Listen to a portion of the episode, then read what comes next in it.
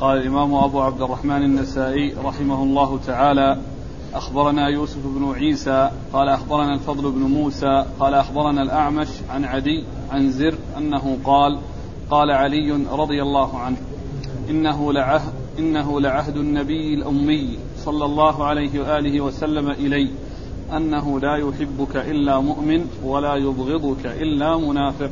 بسم الله الرحمن الرحيم.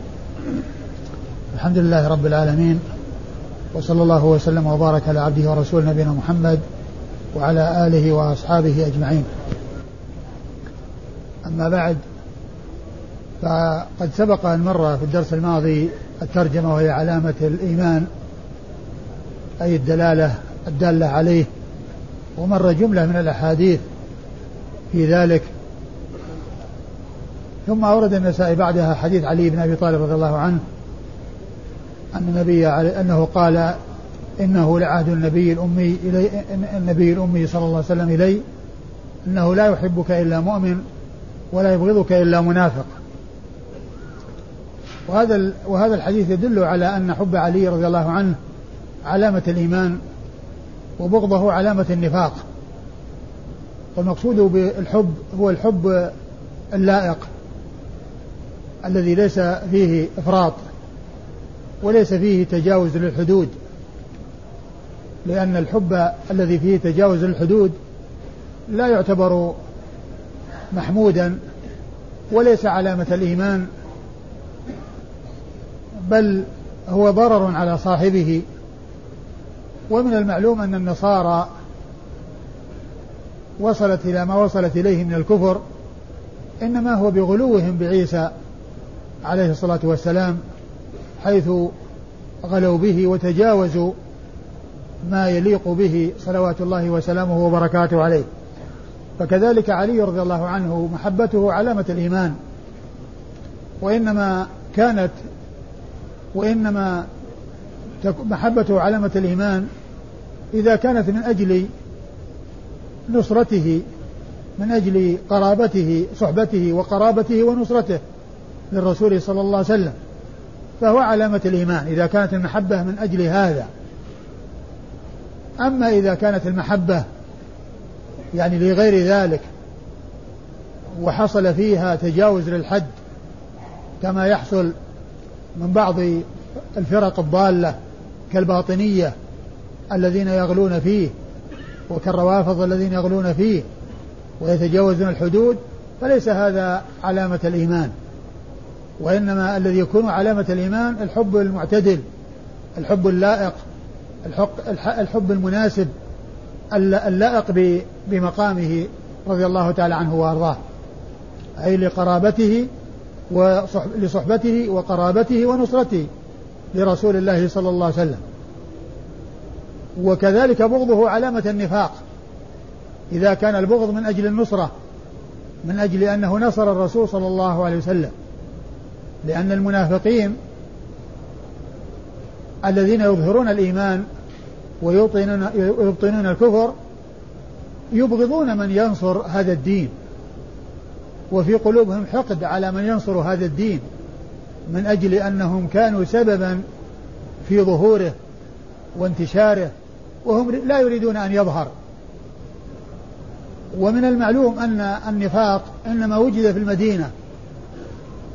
ووجد في الأنصار ولم يوجد في مكة ولم يوجد في المهاجرين أيضا لأن الناس في مكة ما يحتاجون إلى النفاق. الكافر كافر والمسلم والمؤمن مؤمن. الذي وفقه الله وهداه للإسلام والإيمان أسلم ظاهرا وباطنا ودخل في الإيمان ظاهرا وباطنا. فهم إما مؤمن وإما كافر في مكة. لما ك... لكن لما جاء رسول الله صلى الله عليه وسلم للمدينة وكان الأنصار آووه ونصروه وطلبوا منه أن يأتي إليهم وأن يهاجر إلى مدينتهم وأن ينصروه. فلما جاء عليه الصلاة والسلام ونصره الله عز وجل بنصرة لكون المهاجرين والأنصار نصروه وساعدوه وأيدوه الذي كان في قلبه زيغ وهو وقد ظهر الإسلام وانتصر الإسلام كان كان منه أن أظهر الإيمان وأبطن الكفر. أظهره لأنه ظهر الإسلام فأراد أن يكون مع المسلمين في الظاهر. وإن كان ليس معهم في الباطن بل يخالفهم في الباطن. فإذا البغض الذي يكون علامة النفاق إذا كان من أجل النصرة ومن أجل الفضيلة ومن أجل القرابة ومن أجل الصحبة إذا كان لهذه الأمور فإنه يكون علامة النفاق. لا سيما إذا كان من أجل النصرة لأن المنافقين إنما وجدوا لما ظهر الدين وانتصر الإسلام وأهله وكان ذلك في المدينة عند ذلك وجد النفاق في الأنصار في المدينة. الذين ما تمكن الإيمان من قلوبهم ما دخلوا في الإيمان وإنما دخلوا فيه مع كرههم له خوفا على أنفسهم وخوفا من قوة الإسلام وسطوة الإسلام. فعند ذلك أظهروا الإيمان وأبطنوا الكفر. فمن يكون مبغضا لعلي رضي الله عنه من أجل نصرته هذا هو المنافق. أما ما حصل من خلاف بين علي وغيره وإن وكان ذلك بسبب اختلاف وجهات النظر واختلاف الرأي فهذا ليس من هذا القبيل. بل حد أصحاب هؤلاء حد هؤلاء أن يكونوا من قبيل المجتهدين. المجتهد المصيب له أجران والمجتهد المخطئ له أجر واحد. فإذا وجد شيء في النفوس بسبب ما جرى بينهم وما جرى بينهم من الاختلاف فإن هذا لا يكون من هذا القبيل لأن هذا ليس من النفاق. لأن النفاق من أجل النصرة من أجل قضية معينة وهي كونه ممن نصر الدين وكونه ممن قام بنصرة الرسول صلى الله عليه وسلم وتأييده. فمن أبغضه من أجل هذه فهو منافق ومن كان بينه وبينه شيء من الاختلاف وصار في النفوس شيء فإن هذا لا يعتبر من النفاق وإنما هذا للأمر الطارئ والأمر الحادث الذي قد حصل والذي كان بسببه الوحشة والذي كان بسببه النفرة. ولهذا كان الصحابة رضي الله تعالى عنهم وأرضاهم وقد جرى بين ما جرى بينهم من الاختلاف بل وأدى إلى الاقتتال ما حكم بعضهم على بعض بالنفاق. وإنما كانوا مختلفين ولكن الأمر كما أشرت الأمر دائر مبني على اجتهاد والمجتهد المصيب له أجران والمجتهد المخطئ له أجر واحد. إذا كون حب علي رضي الله عنه علامة الإيمان إذا كان من أجل النصرة والصحبة والقرابة. يعني من أحبه لكذا أما من أحبه تعصبا أو أحبه لغير النصرة والقرابة والصحبة وكانت المحبة أيضا فيها غلو فهذا ليس علامة الإيمان هذا ليس علامة الإيمان بل فيه مجاوزة للحدود وفيه اعتداء وخروج عن الصراط المستقيم. ويقابل ذلك البغض البغض إذا كان من أجل النصرة. إذا كان من أجل النصرة لأنه نصر الدين يبغضه هذا هو النفاق. أما إذا حصل بغض بين الصحابة بين علي وغيره أو بين أي أحد من الصحابة بسبب أمور طرأت وحصلت وصار فيها اختلاف وجهات نظر وكان في نفس هذا نفس هذا على هذا شيء وهذا على هذا شيء فهذا الذي وقع في النفوس. من ال ال ال الكراهية ومن البغض ليس من أجل النصرة فيكون نفاقا وإنما من أجل الأمر الطارئ وهم مجتهدون وهم دائرون بين الأجر والأجرين. وهذا ذكره بعض أهل العلم مثل صاحب المفهم على شرح صحيح مسلم ونقله الحافظ بن حجر في فتح الباري أي أن الحب يكون من أجل النصرة والبغض يكون من أجل النصرة يحبه لأنه قام بنصرة الدين أو يبغضه إذا كان منافقا من أجل أنه قام بنصرة الدين. لأنه نصر الدين يبغضه لأن المنافق لا يريد أن يظهر الدين ويبغض من يكون سببا في إظهار الدين ويبغض من يكون سببا في إظهار الدين. إذا هذا هو المقصود بكون حب علي رضي الله عنه علامة الإيمان. ومثله تماما الحديث الذي بعده والذي فيه أن آية الإيمان حب الأنصار وآية النفاق بغض الأنصار. نفس الشيء. الكلام في هذا كالكلام في هذا. فالأنصار رضي الله تعالى عنهم وأرضاهم من أبغضهم؟ لأنهم نصروا الدين ومن أجل وصفهم بالنصرة فهو منافق. ومن أحبهم لأنهم نصروا الدين فهذا مؤمن. بل هذا داخل تحت قوله صلى الله عليه وسلم ثلاث من كن فيه وجد بهن حلاوة الإيمان. أن يكون الله ورسوله أحب إليه ما سواهما وأن يحب المرء لا يحبه إلا لله. فالذي أحب الأنصار لأنهم نصروا الدين أحبهم لله ومن أجل الله. من أجل أنهم نصروا الدين. إذا علامة الإيمان حب الأنصار يعني من من أحبهم لأنهم نصروا الدين فهذه علامة إيمانه. وهذا الوصف الذي حصل للأنصار ولقب الأنصار لقبهم به رسول الله صلى الله عليه وسلم. وهم من قبيلتين. من الأزد هما الأوس والخزرج. ويقال لهم بني قيلة جميعا. والرسول صلى الله عليه وسلم لقبهم بهذا اللقب الأنصار. لأنهم بايعوا رسول الله صلى الله عليه وسلم في مكة يعني عدد منهم ونفر منهم يعني حيث جاءوا للحج وبايعوه على أن يأتي إليهم وينصرونه ويؤيدونه صلوات الله وسلامه وبركاته عليه.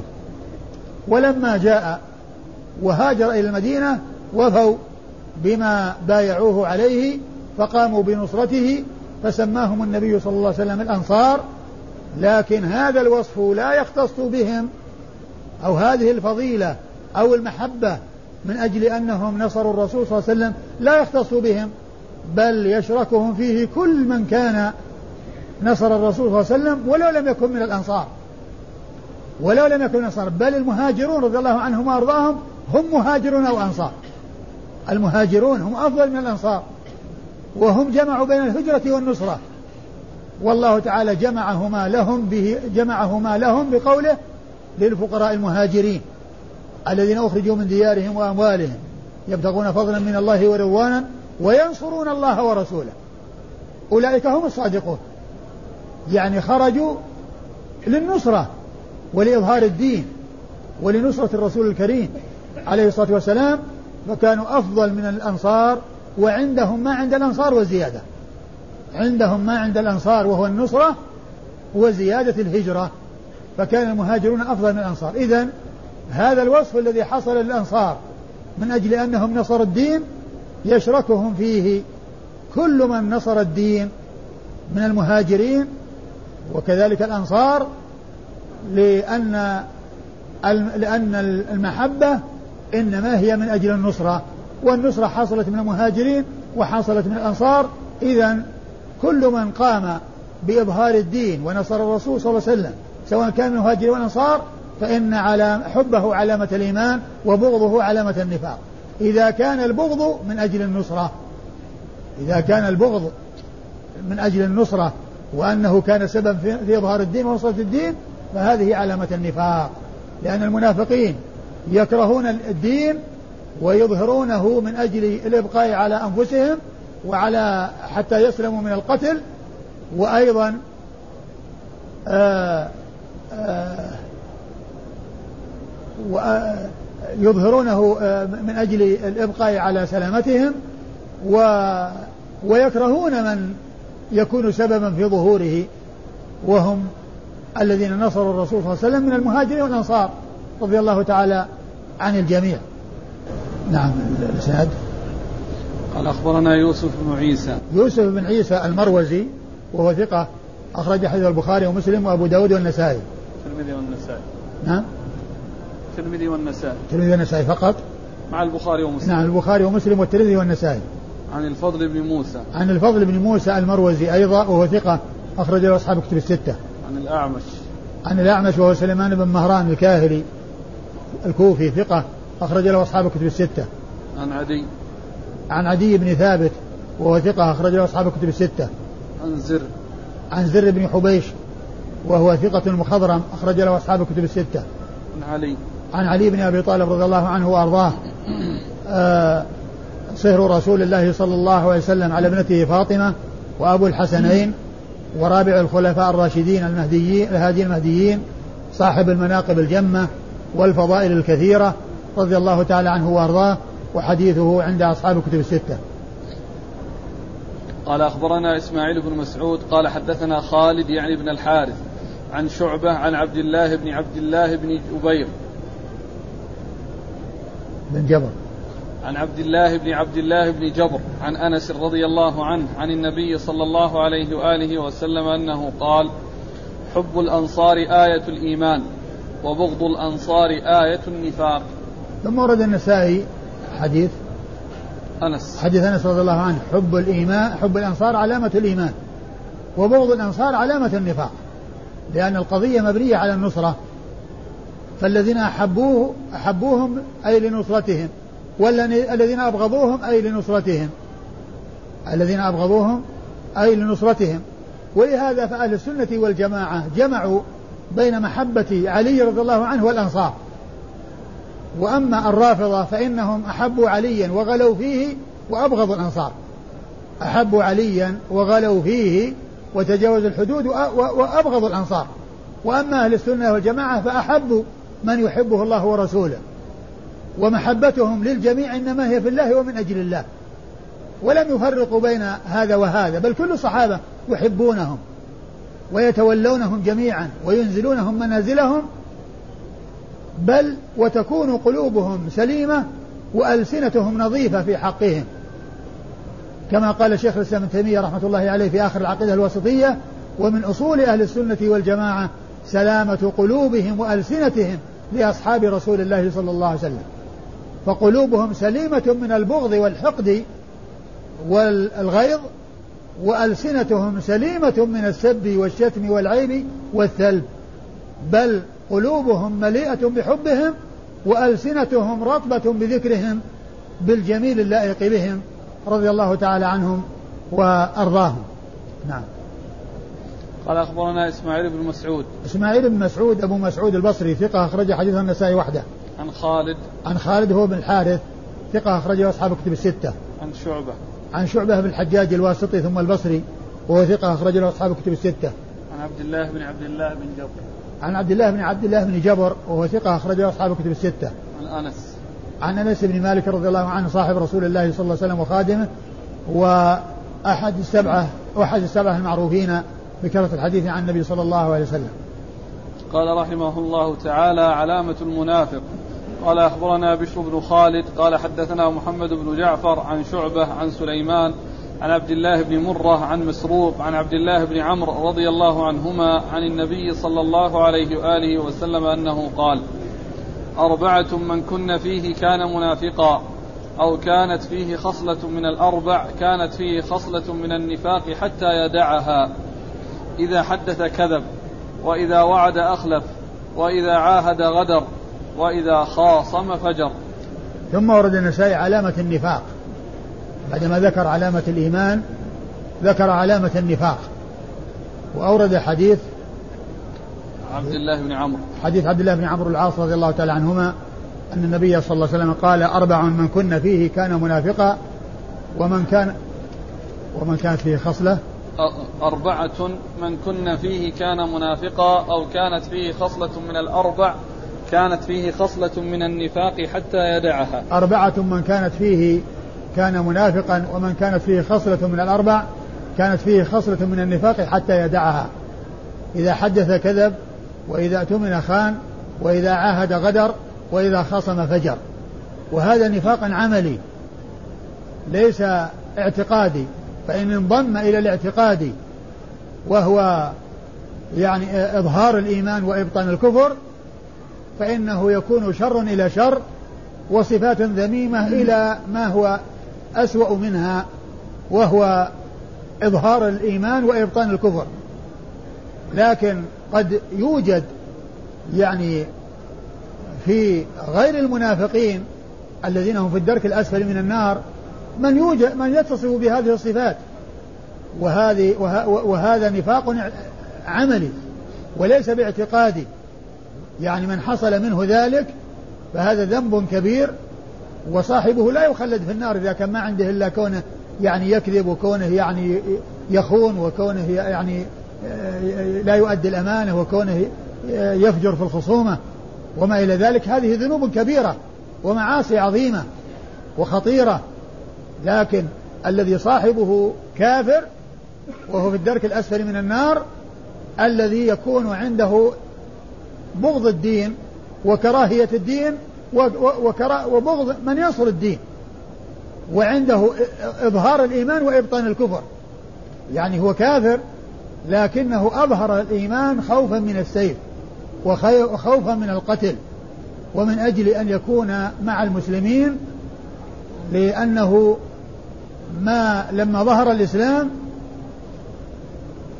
لم يرد أن يدخل فيه يعني ب ب ب يعني ب بإيمان بل دخل فيه من أجل الخوف من السيف مع بقائه على الكفر ولكنه أظهر الإسلام.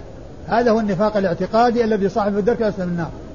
وإذا كان يعني هذا المنافق عنده هذا الوصف الذي هو كفر ثم وجدت معه هذه الأربع فهذا آه، سوء إلى سوء وشر إلى شر. لكن لا يعني أن من لم يوجد عنده إظهار الإيمان وإبطان الكفر ولكن اتصف بهذه الصفات هذا يكون اتصف بصفات المنافقين.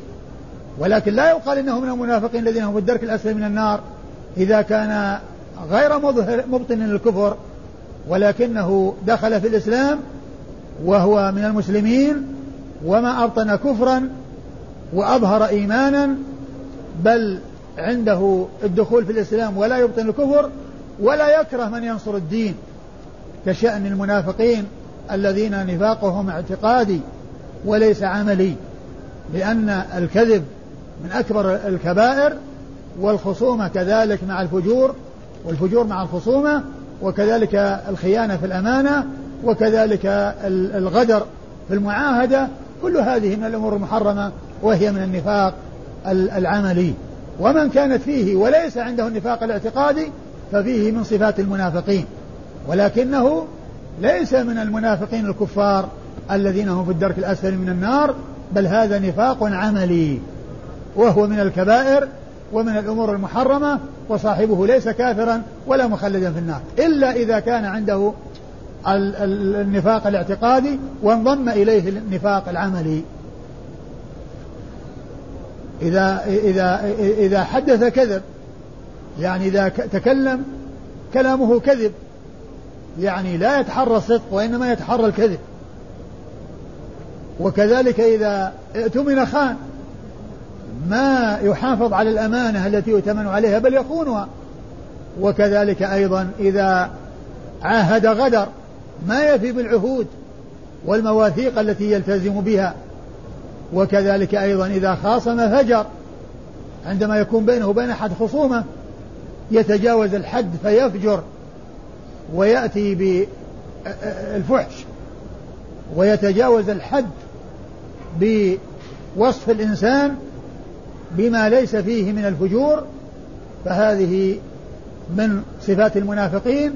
وهي من النفاق العملي وليس من النفاق الاعتقادي. نعم. الرواية التي معنا إذا وعد أخلف. إذا وعد أخلف. وإيش اللي راحت من الأربعة اللي ذكرت؟ ما في إذا. من خان ما في. أي نعم. إذا إذا إذا حدث كذب وإذا وعد أخلف والمقصود بالوعد أنه يعني آه، يخلف الوعد يعني باختياره. أما إذا أخلف الوعد نسيانا أو ما إلى ذلك فهذا معذور. إذا حصل وعد شيئا وأخلف فيه ناسيا فهذا معذور. أما إذا كان متعمدا لإخلاف الوعد ويعد وهو في قرارة نفسه أنه غير واف أو لن يفي فهذا هو الذي فيه صفات المنافقين. قال أخبرنا بشر بن خالد.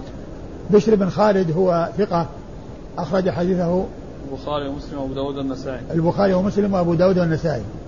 عن محمد بن جعفر. عن محمد بن جعفر الملقب غندر البصري. ثقة أخرجه أصحاب كتب الستة. عن شعبة عن سليمان. عن شعبة مر ذكره. سليمان هو الأعمش وقد مر ذكره. عن عبد الله بن مرة. عن عبد الله بن مرة الهمداني وهو ثقة أخرجه أصحاب كتب الستة. عن مسروق. عن مسروق بن الأجدع وهو ثقة أخرجه أصحاب كتب الستة. عن عبد الله بن عمرو. عن عبد الله بن عمرو بن العاص رضي الله تعالى عنهما وهو الصحابي الجليل أحد العباد له الأربعة من أصحاب رسول الله صلى الله عليه وسلم وهم عبد الله بن عمر عبد الله بن عمر عبد الله بن عباس وعبد الله بن الزبير. ها؟ نفاق اعتقادي؟ نعم. بغض الأنصار من أجل النصرة نفاق اعتقادي. قال أخبرنا علي بن حجر قال حدثنا إسماعيل قال حدثنا أبو سهيل نافع بن مالك بن أبي عامر. عن أبيه عن أبي هريرة رضي الله عنه أن رسول الله صلى الله عليه وآله وسلم قال آية النفاق ثلاث إذا حدث كذب وإذا وعد أخلف وإذا اؤتمن خان. ثم ورد النسائي حديث أبي هريرة آية المنافق ثلاث إذا حدث كذب وإذا وعد أخلف وإذا اؤتمن خان. وإذا اؤتمن خان. يعني خصلتين مرت وهي الحديث هو الكذب الكذب في الحديث والإخلاف الوعد وذكر الثالثة التي ما مرت في الأربعة السابقة وهي أنه إذا اؤتمن خان يعني لا يؤدي الأمانة ولا يحافظ على الأمانة بل يخون في الأمانة أيوة إسناد قال أخبرنا علي بن حجر علي بن حجر بن إياس المروزي السعدي ثقة أخرجه البخاري ومسلم والترمذي والنسائي. عن إسماعيل. عن إسماعيل وهو بن جعفر وهو ثقة أخرج له أصحاب الكتب الستة. عن أبي سهيل نافع بن مالك بن أبي عامر. عن أبي سهيل نافع بن مالك بن أبي عامر وهو ثقة أخرجه أصحاب الكتب الستة. عن أبيه وهو ثقة أيضا أخرجه أصحاب الكتب الستة. عن أبي هريرة عبد الرحمن بن صخر الدوسي صاحب رسول الله صلى الله عليه وسلم وأكثر الصحابة حديثا على الإطلاق عن النبي صلى الله عليه وسلم ورضي الله تعالى عنه وعن الصحابة أجمعين.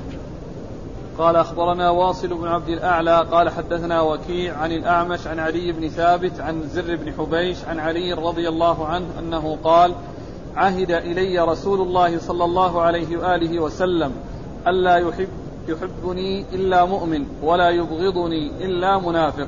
ثم ورد النسائي حديث آه حديث علي رضي الله عنه في عهد النبي صلى الله عليه وسلم إليه أنه لا يحبه إلا مؤمن ولا يبغضه إلا منافق.